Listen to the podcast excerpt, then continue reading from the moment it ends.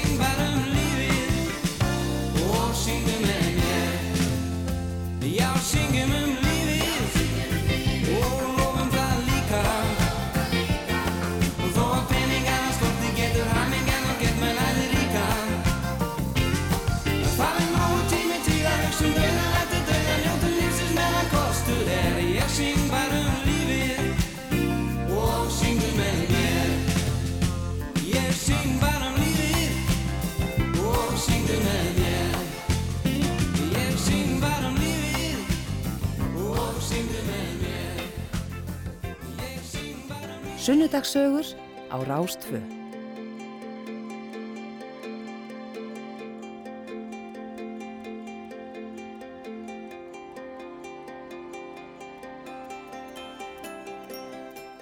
Jú, komiði sæl. Það eru sunnudagsögurnar sem að hefjast hér á Rástfö og þetta var indislega fallegt lag sem við byrjaðum hérna á. Þetta var Rúnar Júliusson með söng um lífið sem er eitthvað neginn mjög viðegandi núna. Skulum bara lifa lífinu þráttur við allar hörmungar og já, það sem er að gerast. Við skulum bara taka þetta til okkar, held það bara. En Ég heiti Gíja Holmgjastóttir og ég heils ykkur hérna frá Norðurlandinu, nánu tiltekið frá hljóðverun okkar á Akureyri og ég verði með ykkur til klukkan þrjú í dag. En í þættinum þá mun ég fá til mín góðan gest svona í fyrri hluta þáttarins og að þessu sinni það er hann Svavar Alfred Jónsson, prestur í Akureyra kirkju sem ætlar að kíkja hinga til okkar og segja okkur svolítið frá sér og sínum. En uh, já, það er nú pálmasunnudagur í dag og páskarnir framöndan og það er akkurat sá tími þegar það er nóg að gera hjá prestum og já, það eru aðeins öðruvísi aðstæði núna og ég ætla með þetta spyrja hann sér að svafar aðeins út í þetta, hvernig þau takast á við þetta í kirkjum landsins og þetta verður hér í fyrri helmingi þáttarins. En svo í setni helmingnum þá munum við eins og vanalega skipta yfir í beina útsendingu frá upplýsingafundi almannavarna þar sem við heyrum það nýjasta af COVID-faraldrinu. Það verður hér beint eftir tvö fréttinnar. En við skulum heyra hérna smá tónlist. Hér er hún Bríett með lægið Esjan.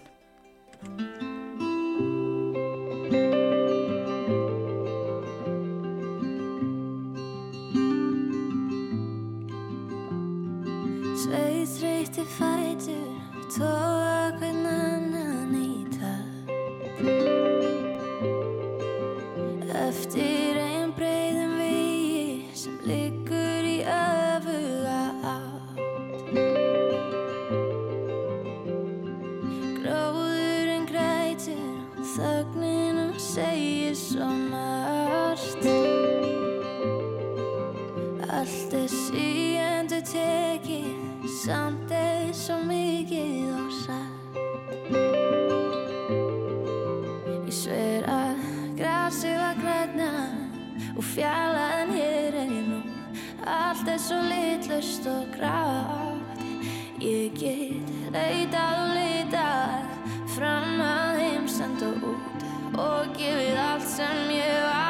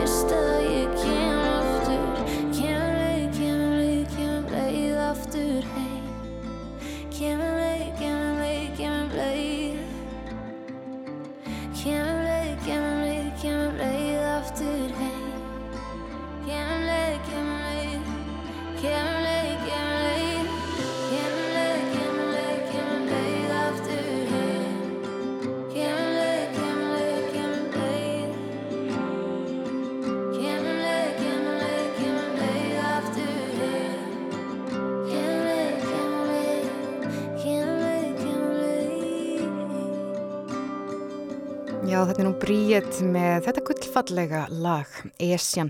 En þeir eru að hlusta á sundagsögur hér á Rástfö og ég heiti Gíja Holmgerstóttir og já, eins og því mörg eflustu vitið þá er þessum þætti vannalega stýrtafinni Rappnildi Haldóstóttur. En eins og svo víða annar staðar þá höfum við hér á Rástfö þurft að gera svona alls konar ráðstafanir og tilfæringar svo allt gangi upp svona eins og bara víðast hvar í þjóðfélaginu og uh, þið hafið, já, vantarlega mörg heyrt að hún Rafnildur hefur færst sér tímabundið um set og er núna með þeim Andra Frey og Guðmundi Páls í síðdegis útvarpinu og það er nú bara góður staðu til að hafa hann Rafnildi svona á þessum tímum. En ég myndi segja að þetta heldur okkur bara á tánum að vera svona að breyta til og, og já, gera svona rókeringar og það er skemmtilegt að fá að takast á við nýjar áskoranir og ég mun hoppa sem sagt inn í sunnundagsstjóður hér eitthvað fram á vorið. En uh, við skulum heyra hér í næsta lægi, það er hljómsveitin er með, já, All I Need.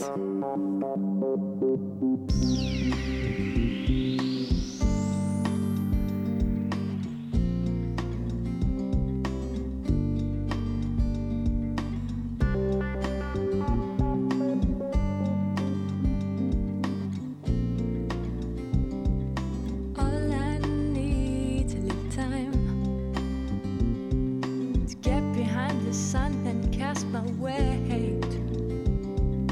All I need's peace this mind. I can celebrate.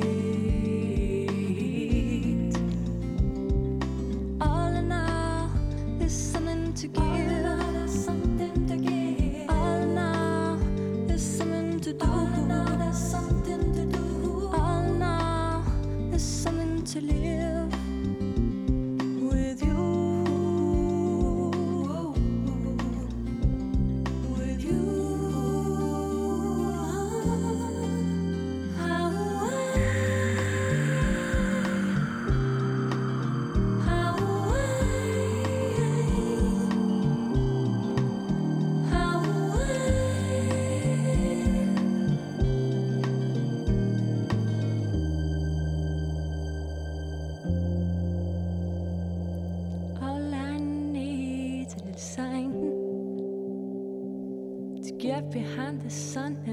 His way All I need's place to find,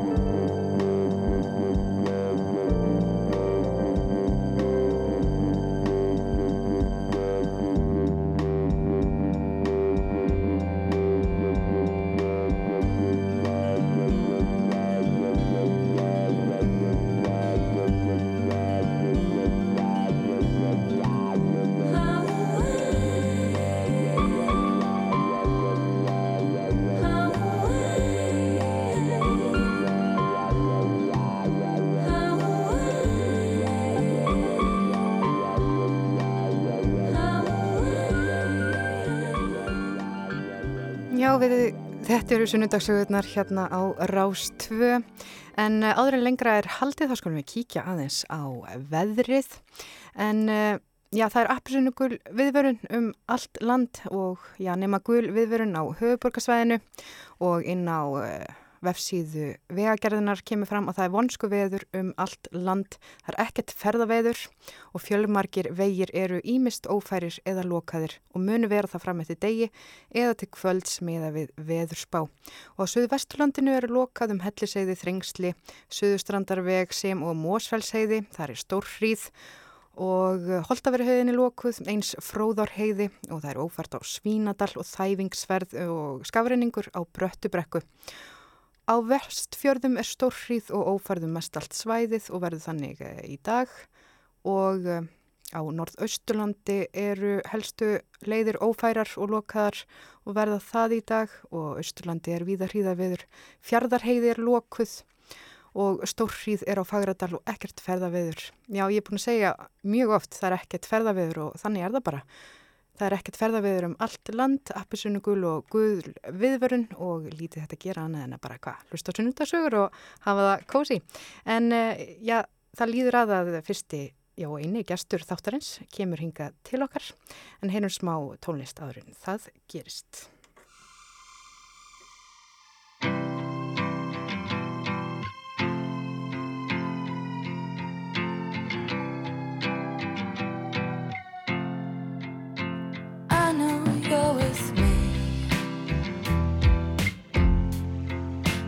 Love to see someone else call you.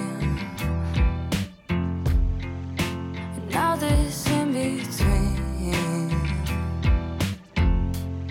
You think it's hard for me to tell you're falling. Oh, we're falling. Being chill,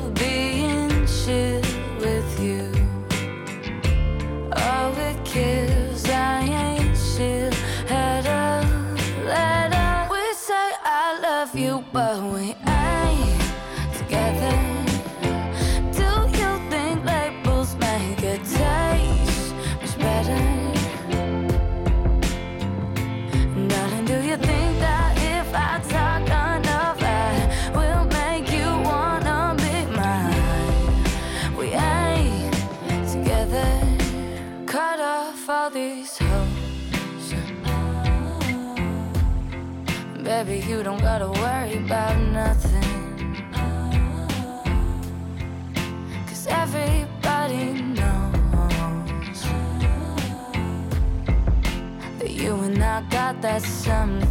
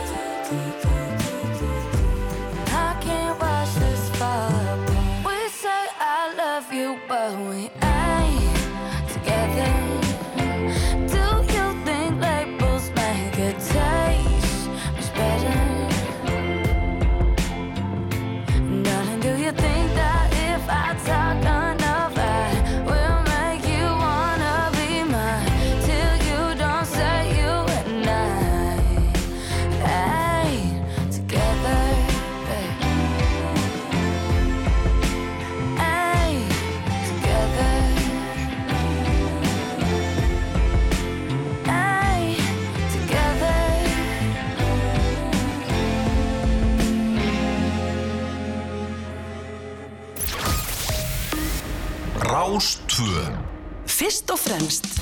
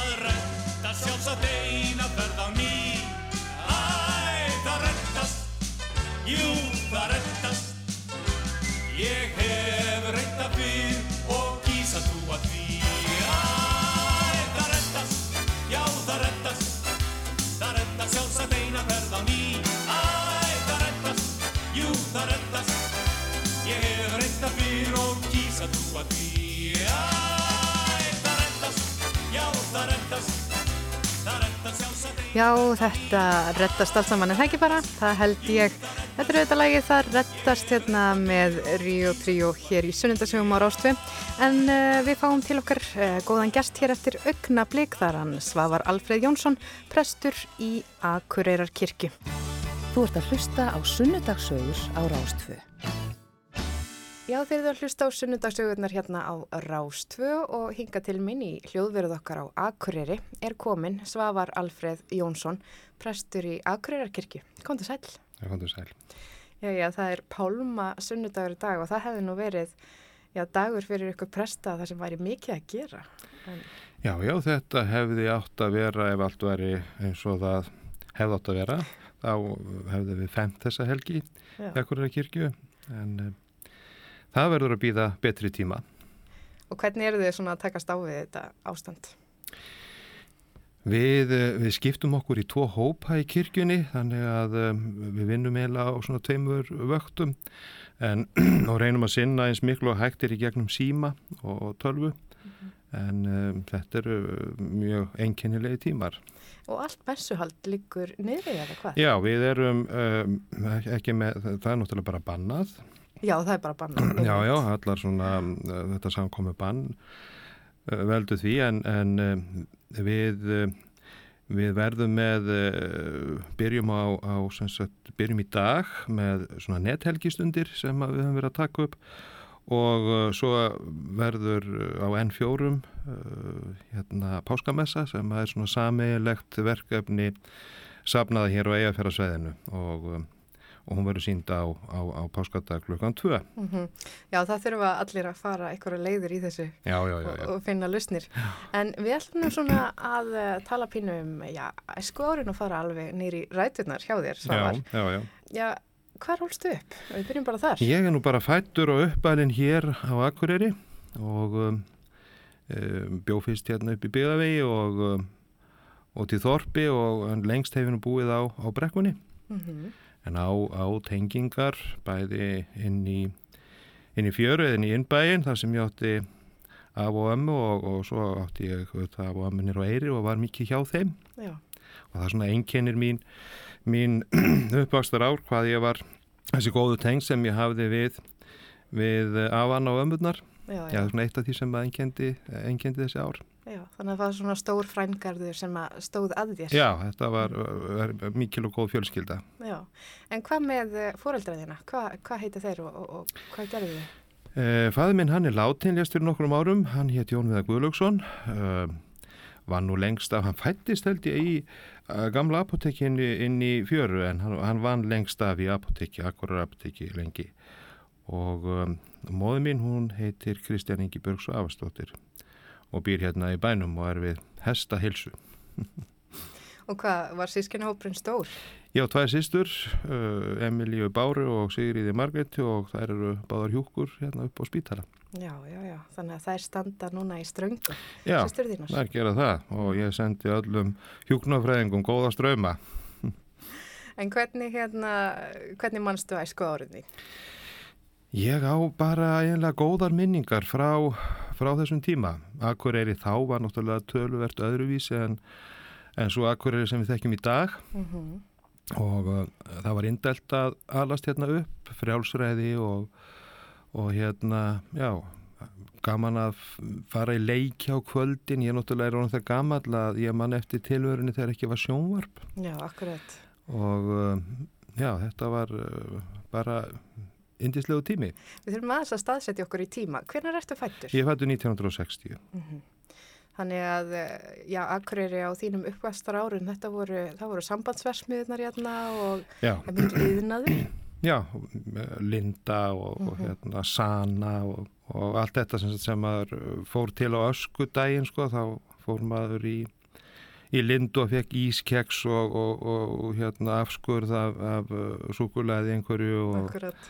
Og svo fór maður nýri sand og þambaði gós, vallas og mix og svona Og hvað í kjöt? eh, kjöt í kjötinastöðuna Já, fekk pilsur þar. Já, já, já. Það er svona eitthvað sér, ég er búin að heyra marga akureyringa tala um þetta, fara í stórum hópum, þetta Já. eru stór lið. Það voru heilmikið lið og það voru sko æfingar, uh, þrótlausar æfingar fyrir öskudaginn, verða æfa lögin. Já. og mikið lagt í búninga og svona sko, saumaðir á mann gallar og þetta var flottu tími. En uh, hvernig barn varstu? Hvernig svona karakter? Hei, ég var nú svolítið trúður, uh, gætt verið svolítið prakkari og, uh, og ég var líka mikill svona lestrarhestur. Ég, ég lá mikið í bókum. Ég, ég man það þegar ég var hjá ömmu afanir á Eyri að um, þau áttu lesbók morgumblaðsins sko, mörg, mörg ár aftur í tíman og þetta var svona innbundið og ég lá í þessu alveg. Svo bjóði lengi í Brekkugötu, rétt hjá Ansbókasafninu og ég var svona búin að lesa, ég veit ekki hvað marga hillumetra af, af bókum og, og tímaritum þar á mjög góðar minningar frá, frá amtinu gamla. Já, já, og hvernig bækur lastu helst? Í spennisögunum eða Ég las, já, ég las allt mögulegt. Ég las uh, skáldsögur og, og hérna æfiminningar og ég var eiginlega bara, já, alætt á, á hérna bókmyndir. Og hvernig var þá hérna, skólagönguðinni háttað? Það, það hljómanu svona eins og hafi verið, já, námshestur. Ég veit það nú ekki, ég, ég hafði nú engan sérstakann áhuga á skólabókonum og, og hérna var nú bara svona meðalskussi í, í, í því sko.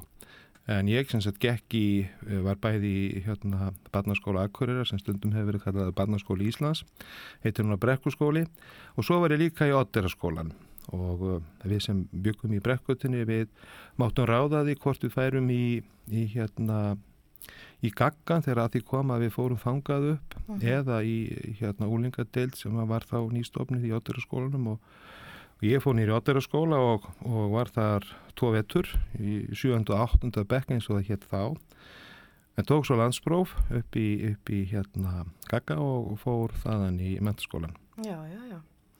Og þú ferði í mentaskólan á Akureyri? Já, Já, en ég talaði nú við því í síma hérna áður en að þú komst hingað og Mhm. þá saður mig frá mjög merkilegri ferð, fyrsta utanlandsferði. Já, það var sem sagt, uh, það var uh, sumari áður en ég fór í mennskóla. Þá fór ég og, og vinnu minn, við fórum Torfi Dansæfarsson, heitir hann, og okkur var sem sagt hleyft úr landi. Ég held að þetta hefði verið fyrsta uttalansferðin hans líka. Og við fórum, uh, vorum uh, sex vikur í Noregi á svona, ja, í svona jarðaberja búðum. Það voru Já. svona vinnubúðir fyrir úlinga og við týndum sem sagt, þetta voru, þetta var mikið jarða, jarðaberja rækta hérað og bændinni komu á, á traktorunum og sóttu krakka og svo týndu við í akkorði. Og við byggum bara þarna í tjöldum en þarna var ágætt aðstað, það var, var náttúrulega snýrtingar og sturtur og, og lítil svona búð sem hægt var að kaupa sér nöðsinjar og svona örlítil líka það voru bortennisborð og svona einhver svona dægra dvöl Já, En Já. þetta fóð nú ekki eins og á horðist því að uh, þetta var mikið óþurkasumar og uh, var hálgjörður uppskeru brestur þannig að, uh, að hérna við verðum nú ekkert mjög ríkir af þessum, þessari jarðaberatínslu. og hvað gerði þið? Þið gripu til einhversu ráðs? Já, eða við, ekki? við, við gripum meðal annars til þeirra ráða að við, þarna var hægt að, semst, að taka myndir og framkalla myndir Já. Og það má segja sko ljósmyndáhuga mín, hann, hann kviknaði þarna. En við sem sagt tókum, við vorum einu íslendingarnir og einu útlendingarnir á, á svæðinu þóttum mjög merkilegir. Uh, og uh, fyrir það.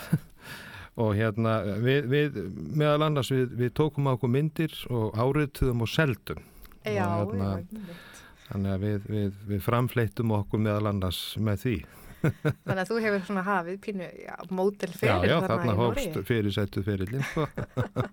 Og hvernig myndir voru þetta? Þetta voru bara svona hérna, myndir á okkur svartkvítar uh, sem við skrifuðum á með túspenna og uh, það uh, svona gaman að segja frá því að að mörgum árum síðar þá var, var uh, ung kona hérna frá Akureyri á, á skátamóti í, í Álásundi og gisti þar í heimahúsi og þar nefnilega rakst hún á mynd af okkur upp á vegg.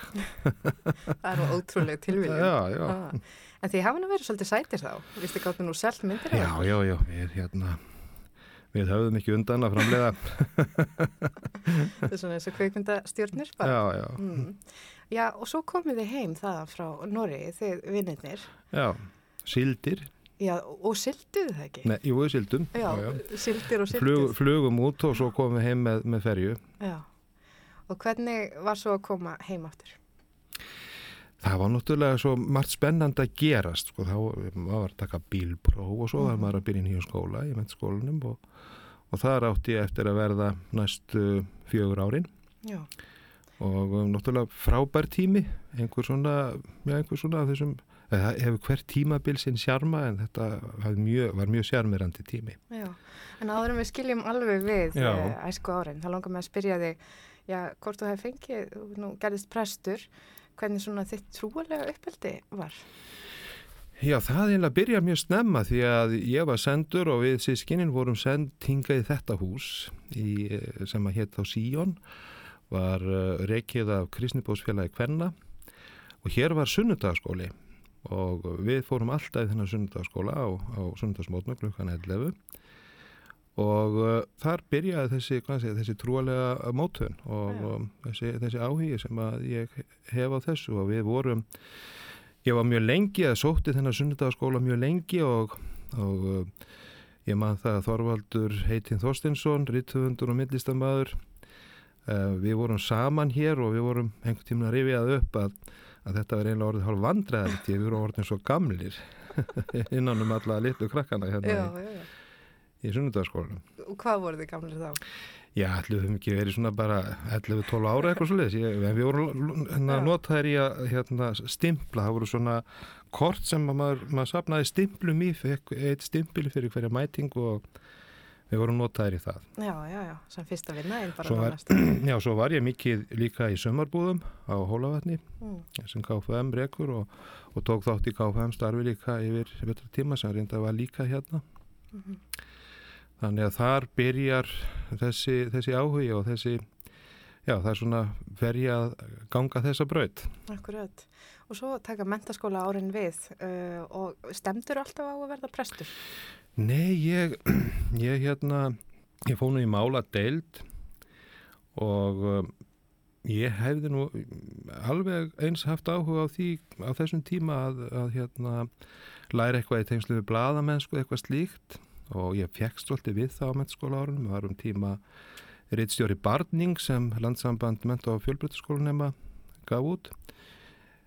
En uh, svo man ég það að, eh, að uh, man ég hvort það síðasta veturinn en næst síðasta veturinn, Mm. þá var svona náms, námskynning frá Háskóla Íslands í Mörgvallakjallara og þar var ungu maður sem var að kynna Guðfræðadeildina og uh, ég nú svo sem hugsað um það áður en, en ég bara komst að því að þessari kynning og þetta var eitthvað sem að ég geti alveg hugsað mér að læra svona fjölþætt vítt nám og, og mjög gott nám í, í okkar menningu Já. og uh, ég fór ekki sem sagt í Guðfræðadeildina ákveðni því að verða prestur ég bara ákvað að, að nú ætla ég að fara og, og læra þetta Já, já. Og það hefur nú kannski já, tengst, eh, komið sér vel allur lesturinn á, á, á já, lesbókum morgublaðsins og allir hillumetratnir í já. sem að Fylgdu þér það hefur eh, komið sér vel í þessu sem öðru. mm En uh, þú kynist nú konunni þinni í, í mentaskólanum, það ekki?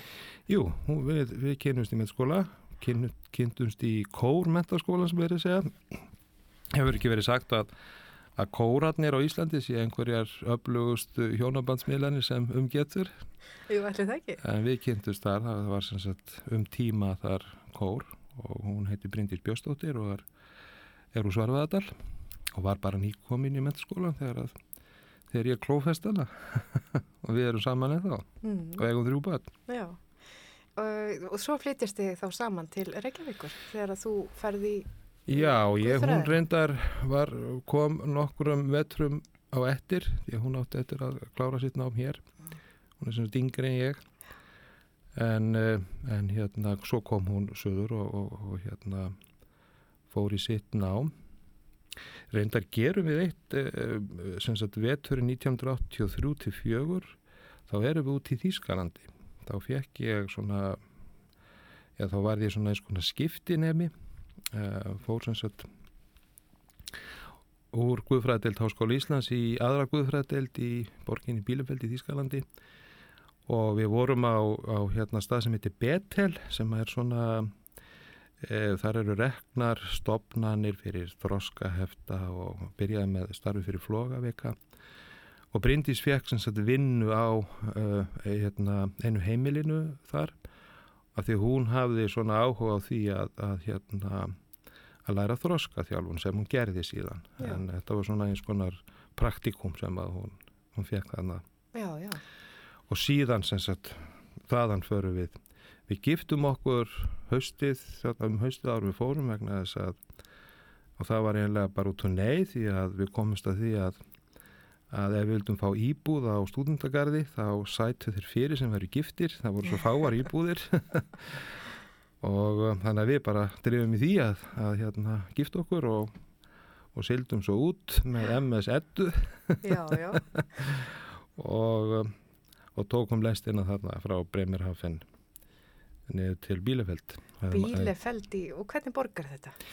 Þetta er nú uh, svolítið sérstök borg og það er ekki langt síðan að það voru svona um, þjóðir að voru að dunda sér við það að, að uh, efast um að hún væri bara hreinlega til. Nú, hvers, hvers vegna?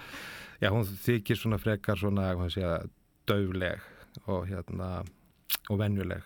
Já, En þetta var bara okkur leið rosalega vel þarna og, og þarna, já, þetta er svona eitthvað, 300 úspanna borg og, og hérna, og þetta er náttúrulega hverfi betil, það er mjög sérstakt, það er Já, sagt já. svona reynd að skapa umhverfi sem að er uh, þessu fólki hagstætt, það eru sérstakar umferðarreglur þar í gildi og, og sérstakar búðir, eða sem Mhm. sagt sérstakt aðgengi. Og þetta var svo sem ekkit sjálfsagt þá, þetta var sem sagt þarna fyrir, já, veturinn 83-84 og hérna Já, þetta var mjög uh, skemmtilegur og gefandi tími. og þið bygguð í þessu Já, hverfi? þetta var Já. bara okkar fyrsta heimili, var þarna í, á stúndagari þarna í þessu hverfi. Já, já, það finnum þá verið svona rólegt og Já. þægilegt andrúrslegt. Mjög rólegt og þægilegt Mhm. og svona lítil krá í svona stúdendaknæpa í kjallaranum og, og alltaf bóð upp á svona súpu einhverja í hádeginu í, í svona gömlu mötuneyti og þetta var mjög sjálfmærandi. Já, og þið hefjið þá ykkar búskap þarna. Já, þarna byrjum við að búa.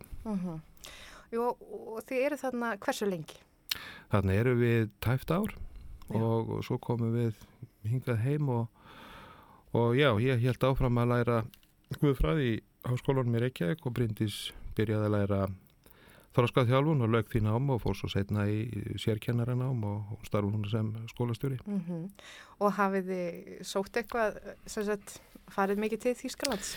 Já, við höfum góð tengst við Þýskaland, eigum þar góða vini og uh, ég er búin að fara í margar hjólaferðir uh, til Þýskalands, hjóla mikið um Þýskaland og hérna þegar Bryndís var 50 þá bauði ég henni í hjólaferð og ég hjóluði Móseldalinn og svo sagði hún þegar að þegar við erum komin áfanga stað og leðrenda þá sagði hún sá, þú ferð aldrei aftur einn í svona hjólaferði, þetta var svo gaman.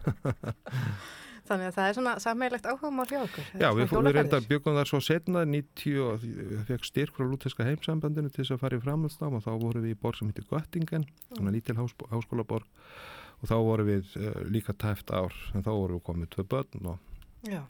En þegar þú ert þarna, þið komið svo heim frá Þýskalandi þarna þegar þið farið í fyrsta skiptið, þarna Mm. fyrsta árið ykkar, hvað ertu þarna gamall?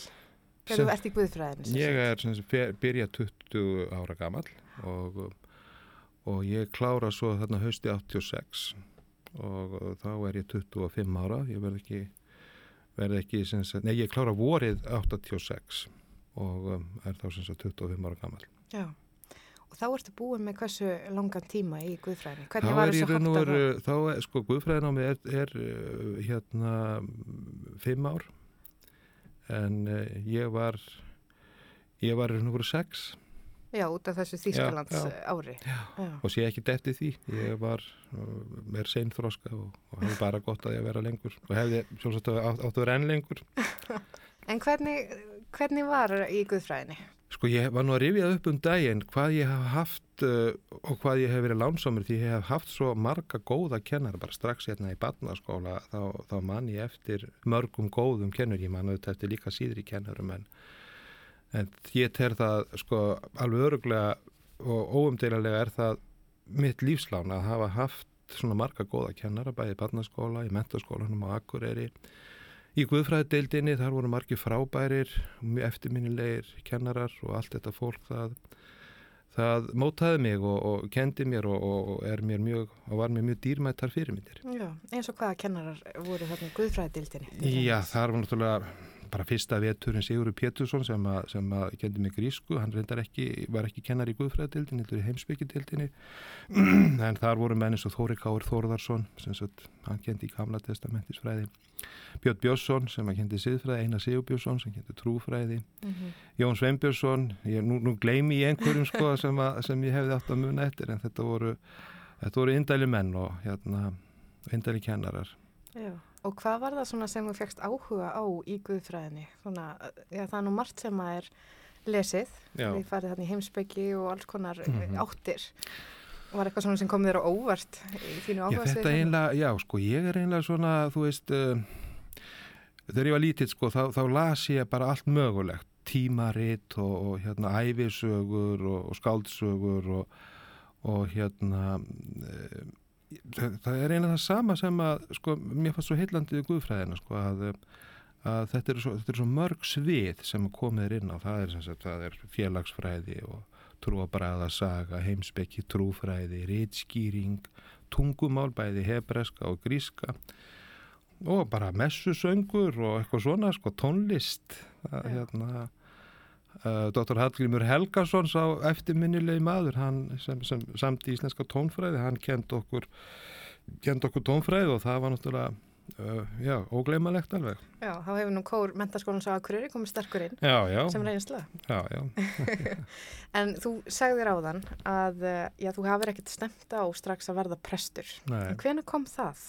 Hvena var það stert hjá þér að ætla að verða prestur? Það gerist eiginlega svona bara smám saman að hérna ég kynnist uh, prestum og, það eru prestar að, sagt, að kenna okkur í deildinni, guðfræðdeildinni og uh, þetta gerist svona smá saman þannig að þegar ég lögn á mig þarna 1986 að uh, þá ákváðum við, uh, ég og Bryndís, kona mín það voru, sagt, hún átti reyndar eftir eitt ár í sínu námi og þá kom við að að fara norður og líta á, á prestakot sem að voru þá hér laus. En það var svona, við vorum búin að semja um það að við ætluðum ekkert að að láta neitt uppi fyrir við værum komin aftur söður og við sko, skoðum hérna, litum í kringum okkur þá voru þrjú prestakot held ég laus og meðalans Ólasfjörður en við sögðum bara strax í múlanum þegar vorum að kera úr Ólasfjörði hingað förum við því að það var svo óbáslega vel tekið á mót okkur og okkur fannst fannst fjörðurinn svo sjarmirandi og Bryndís mín, hún náttúrulega er, úr Svarfaðardal, þannig hún var ekkert við vorum þarna eiginlega á heima slóðum og svo á ég líka ættir að rekja í Ólafsjörð, amma mín er þaðan. Já, þannig að það, þá bara var það ákveðið og við, við hérna, ég sótti um Ólafsjörð og, og var svo kjörin þar uh, sóknarprestur uh, haustið 1986 og var þá yngsti prestur Íslands já, hvorki meira enn í Það var minna. nú fljótur, svona mjög fljótlega sem ég misti þann titil. Uh, við skulum tala um það núna eftir stuttar auglýsingar og, og smá tónlist en við erum hérna með Svavar Alfreð Jónsson, prest í Akureyrakirkju uh, sem gæst í sunnundagsögum en við komum hérna eftir stuttar auglýsingar. Broken bottles on the bedroom floor. Sleepless nights, no Lord, you shut me out again and again and again.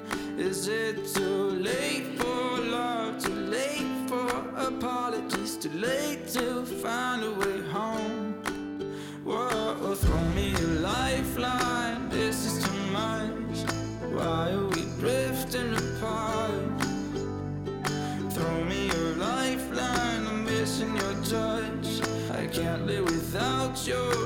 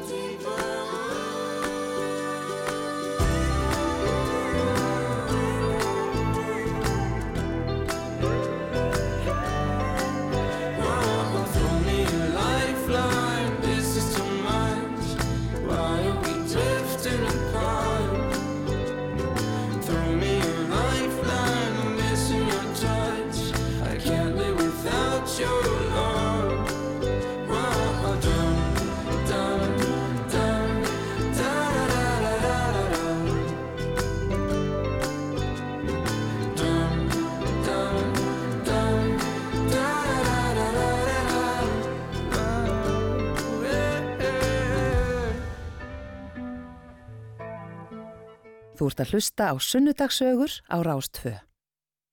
Já, við sitjum hérna í sunnudagssögum á Rás 2 og það er hann Svavar Alfreð Jónsson, prestur í Akureyrakirkju sem er hérna hjá mér í hljóðverinu á Akureyri. Og já, við erum búin að fara svona í gegnum æsku árin þín, sérna á Akureyri og svona hvernig, já, mentaskólinn var og, og svo ferði Guðfræðina og gerist prestur. Og við vorum komin að, að þú ert orðin yngsti prestur á landinu, ert búin að taka við þarna á Ólarsferði. Já, ég sem sagt eh, haustið 1986 þá, þá uh, byrja ég þar sem prestur og algjörlega náttúrulega blöytur á bak við eirun og uh, reynslu laus og, og lítið þroskaður en, en Ólafsfyrringar tók mér óbáslega vel og uh, gerðu úr mér uh, mann, vonandi. hvað varstu gamall? Ég var 25 ára, var, var, svo, ég var 26 þarna í oktober þetta haust. Hvernig er svona að líta tilbaka? 25 ára, já, maður er ekkert svakalega gammal þá. Nei, Það og var- þá var náttúrulega var Ólafsfjörður uh, töluvert einangraðri hann- en hann er núna, þá höfðu við bara múlan, Mhm. ekki komin göng og var svona, ég var þarna í nýju ár og, og helmingin af þeim tíma höfðum við bara múlan, þannig að maður þurfti svona meira bara að stóla á sig og, já, sérstaklega við vetratíman og en þetta var indæll tími og, og hérna við, við svona sjáum hann alveg svona rósrauðum bjarma, ég og kona mín þegar við rifjum upp Ólarsfjörðar árið, þar eignuðust við tvö af okkar af börnum. Og, um, og það var alveg indislegt að verða pappi út í Ólarsfjörði því að allur bara bærin fagnaði með okkur Já, já. og uh, það var rókið á maður þegar maður var í kælinum í kaufélaginu og, og, og maður kistur og sjómennir þeir komu upp á pressetur með aldraðar mæður sínar og, og þær komu og færið okkur brjónavellinga eða sokka eða annað sem að, sem að þær höfðu verið útbúa á, á stráksa. Já, það er mikil samheldni í Já, það er, það er mikið samheldni bæði þegar eitthvað bjátar á og eins kann fólk líka að, að gleðjast hvert með öðru. Já. En þekktur þú mikið til þarna að þú átti nú ömmu sem var frá Órasferði, Já. en þekktur eitthvað mikið til samfélagsins? Þegar þú kemur þarna sem prestur? Já, svona, ég þekkti, þekkti svo sem ekki marga en, en hérna, en ég átti þessa tenging og þekkti nokkur nöfn og, og hérna, og það var mjög mikil sverði, já, já, á tölverta skild fólki og tjórasverði Já. í gegnum hann ömmu. En þú segir að Ólafsfjörður hefði verið mjög einangraður á þessum tíma, það var bara múlin, Já. það komst ekki þarna göngin, hliðinsfjörðagöngin til. Siglufjörðar og, og það er nú snjóa þungt þarna. Já, Hvernig voru svona aðstæðunar fyrir utan þessa einangrun? Hvernig var Ólafsfjörður? sko þarna var, þarna var allt til alls. Það var hérna, það var mikið og gott félagslíf og uh, það var leikfélag og töluverð menning. Uh, það voru ágættar verslanir og, um, og okkur leið vel. Okkur leið mjög vel. Hverju voru svona áskoranirnar að verða prestur þarna á þessum tíma? Ég, það er náttúrulega það er náttúrulega uh, alltaf mestu áskoranir eru þegar eitthvað, eitthvað gerist eitthvað verða slís eða eða einhver hastalega ótímabær veikindi og annars líkt. Það eru auðvitað svona það sem reynir mest á mann. Mm -hmm. Hvernig er maður búin undir að takast á við svona áskorðanir sko, úr guðfræðinu og, og prestnáminu? Hvernig gekk að, að handla svona, líka já, svona ungur? Já, það er sko, við, við, við náttúrulega fengum örlítið nám í sálgæslu og, og svona sálgæslu viðtölum en ekki Eh, ekki hérna, það er í raun og veru ekkert sem sko, eh, býr mann í raun og veru undir eh, svona aðstæður þannig að maður geti bara vita alveg að þetta ger ég næst og þetta ger ég næst og eitthvað svona sko. þetta, er, þetta er hérna maður þarf alltaf að spila þetta svolítið eftir eirana Já, akkurat og hvað eru þið þannig lengi? Nýjár, vera nýjár. Reyndar fórum, vorum eitt ár af þeim nýju út í Þýskalandi en, en sem sagt uh, voru 1995 þá já. komum við hinga til Akureyrar. Já, já. Þú segist að, já, þið fóruð þarna aftur til Þýskaland, þú myndist nú á það þarna í fyrirluta, samtalsokkar.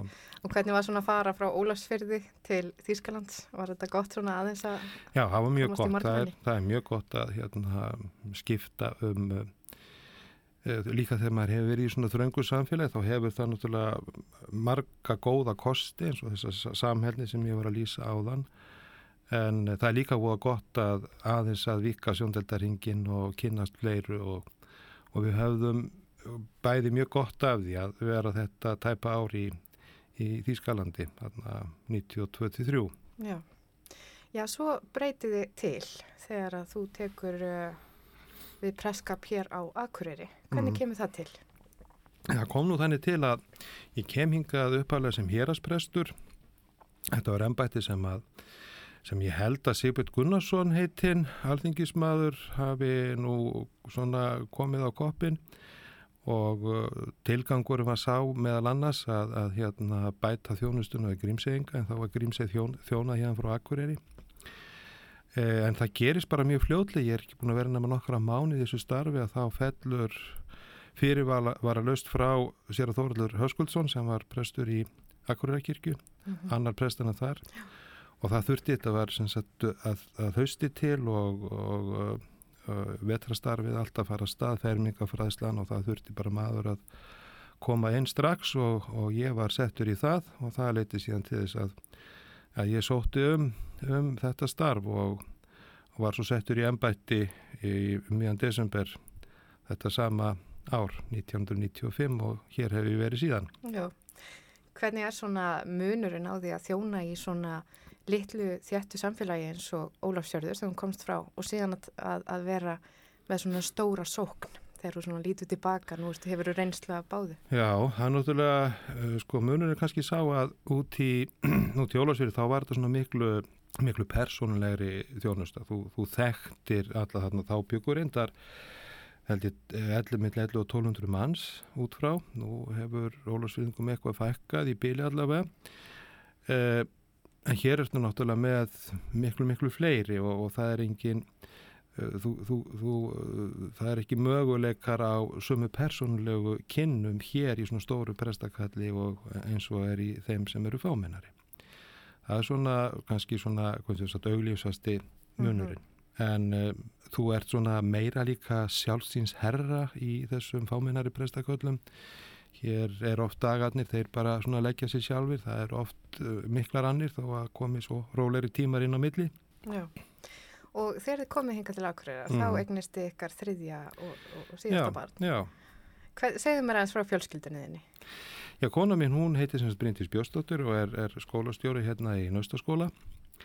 Eh, Strákurinn okkar hann heitir Björn Ingi og hann læriði læknisfræði út í Hollandi og er nú í sagt að vinna á, á Karolinska í Stokkólmi og er bara í eldlínunni þar, hann er að læra bráðalækningar. Uh, svo er kemur stelpa sem heitir Sunna og hún læriði líka út í Hollandi, um, var í listakademíun í Haag og Björningi var, hafði verið í Maastricht og hún var sem sagt í Haag, laug því námi í fyrra, er nú út í Milano og hún má segja að hún sé já. líka í eldlínunni því hún er lokuð þar inni á samt kærastanum sínum. En hún er semst lista kona og, og hérna ætlar að hasla sér völl á því sviði og, og hérna er búin að vera með nokkra síningar Já, og svo er svo yngsta, hún er reyndar nýbyrjuð í nám út í Hollandi líka allir í Hollandi. já, hún er, er að læra í borg sem heitir Breta en hún áði að koma heim áður en allt lokaðist Akkurat. Já, hvers vegna uh, faraðu öll til Hollands? Hva, hvað kemur til? Ég ætla að hafa ekki bara verið vegna þess að, að uh, hérna, strákurinn byrjaði þarna úti og, Já, og, já. Og er sýstur, hafa náttúrulega bara séð að, að uh, það er, hérna, það er hástandard á háskólanámi í Hollandi og, og það er líka svolítið svona hvað framústefnulegt mm Mhm. þeir eru og þeir kenna á, líka á ensku, er alveg ófeimni við það hann reyndar þurft að læra sína læknisfræði á hollensku en, en stelpundabáðar það er læra á ensku Já, og því hafið farið þarna í heimsókn til þeirra já. og eru orðin mjög kunnug Hollandi. Já, já, við erum búin að fara síðustu, hvað, sjö, átta árin uh, höfum farið á hverju ári óttar en einu sinni til Hollands og, og erum alltaf að kynnast nýjum borgum kynntust vist Maastricht og svo, svo Den Haag, það sem að sunna var og, og núna Brita Já. En hvernig er þá hljóðið í tveimur elstu börnunum? Þau eru þannig eldlínu, segiru. Hann er læknir á Karolinska og hún býr í Milano. Hvernig er hljóðið í þeim? Já, ég held að sunna vilji nú gætna að komast heim svona, hérna á, já, eins og ástandið er orðið þau ætluðu náttúrulega að vera þarna einhver tíma en uh, við verðum bara að býða og sjá hvað, hvað hérna, hún er, sittur ekkit aðgera laus, hún er að hún er að brasa stímislegt eins og er hægt bara í gegnum tölvu, hann vinnur mikið í gegnum tölvu kærastinn hennar og hún er eitthvað að hjálpa honum, hann býr til vefsíður sko, þannig að Já, já. það er svona, það er, það er uppgrip í því núna en, eh, en hérna en já, hann er svo bara í ellinunni þarna í, í hérna á, á, í, á Karolínska á. Björningi Já. en um, hann segir þetta sé, sko, það sé svona byrjað að byrjað að taka svolítið í þarna núna, þeir hafa náttúrulega verið með svolítið sérstakka nálgun svíjarnir það eru o- opi- opnir, eða voru mjög lengi opnir eh, sko veitingastaðir og, og barir og svona og þau hafa verið að fara í ræktina sko hérna Björningi og kæristan hans Já, það virkar allt einhvern veginn eins og það sé miklu afslappar og Já, þar. þeir eru, virðast hafa verið það sko, Já. tekið þetta einhvern veginn en það er búið að banna honum að fara frá Stokkólmi og þannig að þeir eru að gera, þeir eru að gera hérna, þeir eru að bregðast við þessu Já, einmitt. En uh, nú langar mig aðeins til að spyrja þið bara um prestembættið. mm. Hvernig er þetta starf? Þetta er, uh, þetta er uh, oft uh, erfitt starf og uh, það hefur marga galla, það er, það er oft óljós mörg á milli personu og, og, og starfsmanns, uh, oft óljós mörg á milli vinnustæðarins og, og hérna, heimilisins. Uh, það er óreglulegur vinnutími og við erum ofta störfum þegar allir aðrir eru í fríum Akkurat. og kannski ekki drosalega fjölskyldu vænt að því leiti. En þetta starf hefur líka ótal, ótal marga kosti og þetta er mjög gefandi starf og ekki bara á að fá að vera með fólki á gleðistundum við barskýrnir eða giftingar eða fermingar. um, heldur líka að fá að taka þátt í hérna, þessum tímamótum sem að verða í lífi fólks þegar að ástuðinur fellur frá eða einhverjir aðrir erfileikar sem að hérna, þar sem við getum eitthvað liðsind og það er mjög gefandi það er bæði gefandi að finna að stundum getum aður hjálpað aðeins og líka bara að fá að fylgjast með fólki og hvað fólk er oft, ja, oftast skinsamt og stert Já, og miklar hetjur Akkurat. Já. Já, það er nú kannski ekki að hægt að spyrja hvort ég er eitthvað svona uppáhalds aðtapnir til þess að stjórna en, en er eitthvað svona eitthvað aðtapnir sem að veikja með sérstaka gleði að fá að taka þátt í? Nei, ég held bara, nei, ég held, það, mér finnst þetta bara allt indislegt. Mér finnst, all, mér finnst náttúrulega úalega gaman að, að skýra börn og hérna, og upplifa það allt saman, sko, alla þá, alla þannig fögnuð yfir lífinu og hérna, þessa lífshátti sem, sem barskýrin er. En, uh, en það, þetta er allt, getur allt verið svo gefandi. Mm. En hvernig upplifir svona þessa tíma, þessa svona óvissu tíma? Er fólk meira að leita til kirkjunar? Upplifir það þannig? Ég kannski með sko... Eða leiti í trúna já, eða svona ég, aðra? Já, ég held að fólk sé svona uh, leiti meira inn á við í svona aðstæðum og þetta svona getur hugsanlega breytt því hvað við teljum vera mikilvægt og verðmætt og opnað augu okkar fyrir ég bara eins og þessu að hérna, nú er ekki takt lengur að taka neitt í fangið Nei, eða faðmast og við vorum um daginn að kveðja kveðja gamla konu og, og hérna mikla ætt móður og uh, það gátt náttúrulega enginn faðmast við, við, við hérna gröfina. Þannig að það saði nú bara eitt barnabarnið ef ekki bara klappa fyrir einu ömmu? Og ég sagði hún, hún að það svo sannarlega skilið og svo klöppuðu við bara fyrir gamlu konunni. Já, já fólk finnur sér leiðir sko. Akkurat, fólk finnur sér leiðir, Já. það er satt. En þá, þú hefur núna verið prestur frá því varst 25 ára Já, og þú talaður um að presskapurinn væri svolítið svona, já, maður slippi aldrei neitt frá þessu hlutverki. nei En þú hefur nú ímislegt svona fyrir utan að vera prestur, þú sinnir mörgum áhugamálum. Ég sinni mörgum áhuga málum og það er líka ágætt að kom, að komi fram á þannig við kannski tölum þau að þá vil ég endilega að það komi fram að ég vinn náttúrulega í alveg stórkostlu umhverfi Já. upp í Akurækirkju Einmitt. og var einstakt samstarfsfólk og líka bara umhverfið er svo gott þessi fallega kirkja og þetta glæsilega safnarheimil og það er allt gert til þess að, að hérna, hafa það sem best og ég er mjög þakkláttu fyrir það. En já ég held að það sé bara mjög mikilvægt fyrir allar starfstjettir og alla menn að eiga sér svona hugðarefni einhver, einhver önnur en starfið því að þetta er starfið, ég hef áhuga á þessu. Og ég væri ekki í þessu nema því að ég er bara í þessu að lífa og sál. En ég á líka mörg annur áhuga mál utan, utan starfsins Já, og hvað svona kemur fyrst upp í hugan?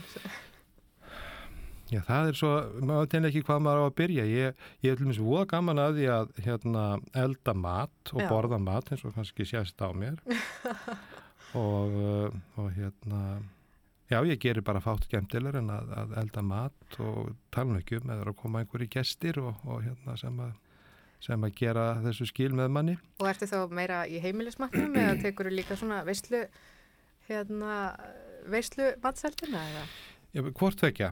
Ég, ég elda oftast heima og, og, og, og líka þegar eitthvað stendur til. Mhm. Og hérna, svo hef ég gefið út heina matræslu bók Já, og það er svona sameinaði ég um, hitt áhuga máli mitt eða næsta áhuga mál sem eru skriftir. Ég hef haft mjög gaman af því að skrifa og náttúrulega gerir mikið af því í mínu, mínu starfi en um, ég skrifa písla og, hérna svo sem ég hérna ljóð og og kvæði og sálma og Já, er bara mjög gaman svona- af því að ertu pínu skúfuskáld já, ég er svo, að já, ég er gefa, þá er ég að tala pínum ljóðin. já, Er, þú hefur ekkert verið að gefa þetta út? Við erum þetta gáum út fyrir, fyrir þegar ég var úr tjólasferi, þá gáum við út bók sem heitir Norðaustan ljó, Ljóð átt, það voru nokkur svona skúfuskáld í Já. En eh, nei, nei, það, ég á nú reyndar nokkra sálma í sálmabókinni og en mest af þessu er nú bara fyrir skúfun og fyrir mig Já, Svo náttúrulega mm, þriðja áhuga málið er ljósmyndun. Ég er mjög gaman að taka myndir og uh, get nú alveg sagt frá því hérna því þetta sé nú orðið nokkuð svona örugt. Bókin er komin í prentun, það er semst að koma út, kemur vantilega út í vor. Ljósmyndabók eftir mig með myndum af eifirskum fossum. Þetta var svona verkefni sem að ég var með fyrir tíu árum. Þá mm, gekk ég hérna um með vinnum mínum og tók mynd af fossum í Eðfyrði og var svo með síningu á fossunum, bæði hérna á Akureyri og Tódalvík og, og í Kópavogi og reyndur út í Þýskalandi líka en fljótlega eftir þetta þá kom útgefandi að máli við mig og, og stakk upp á því að við settum þetta í bók og það hefur nú tafist margra, margar ástæði fyrir því að þetta hefur aðeins tafist þetta verkefni við ákveðum að hafa bókina tvítingda, hún er bæðið á ennsku og íslensku. Og það er svona sem sagt, mynd af, uh, þetta er ekki, segja, þetta er ekki uh, náttúruvísindaleg nálgun, heldur uh, ég, ég nálgast fossana eins og göngumadur Já, og er að hugsa og, og skrifa niður svona hugliðingar með, með hverjum fossi en, en bóðskapurinn er sá að, að við þurfum og það er kannski eitt af því sem að hérna, þessir tímar eru svolítið að árétta við þurfum ekkert að fara neitt langt til þess að upplifa mikla fegurð og það er eitt af því sem gerir Akureyri til dæmis að svo heillandi stað að það er svo stutt í, í fagra náttúru Já, og frábæra gönguleiðir. akkurat. Það hljóma nú eins og þú sért mjög skapandi, sko, að þú þurfur að, þú þarft að svolítið að skapa. Já, já, ég þarf að skapa og það er sko, uh, það er, uh, já, ef þú vilt forðast kulnun í, í starfi þá þarftu meiri segja að uh, sko, viðfangsefniðin í starfinu, þau þurfa að vera þannig, þú þarft að, þú þarft að bregða á leik með Já. allt sem þú ert að gera, sko, það er, það er leikurinn hann, ég var að mynda að lesa nýlega bók um leikinn. Já, og nöðsinn þess að, að hætta aldrei að leika sér því að þú ert að þjálfa ákveðnar heilastöðar í leiknum og það er engin tilvíljun að börn leika sér, þetta er hluti af þroskanum. Ungviði leiku sér til þess að þroska sig og, og hérna ef við viljum halda þessum heilastöðum gangandi þá, þá höldum við áfram að leika okkur og það er hægt bæði með því að bregða og leika utan starfsins en það er líka nöðsynlegt að temja sér temja sér það viðþorf til viðfangsefnana þau, þú sért að skapa eitthvað og reyna nálgast þau eh, eitthvað frá öðrum sjónarhóttnum og, mhm. og velta upp nýjum hliðum á, á eh, hérna hverstasleikan. Já, já, kannski fyrir suma í, á þessum tímum af því að nú er svona, já það þyrmir nánast yfir mann að finna leikinn núna getur verið kannski svolítið krefjandi og erfitt. Já, en, en hérna núna er fólk heima til dæmis og bara það, hérna núna þurfa fjölskyldurnar að að finna sér eitthvað fleira að gera en að horfa á Netflix, sko, það er hérna eða verið í tölvunum og netinu. Þannig að um að gera að taka upp gömlu borðspilin og fara að spila. Það Já. er svo breið á leik. Já, skelli eitt breyts og, Já, já, en þessi bók sko, hún, hún hérna, hún raun og veru saminar, uh, hún saminar, uh, hún heitir, þessi bók heitir uh, Gljúrabúar og Gilja Dísir og hún saminar í raun og veru þrjú áhugamál.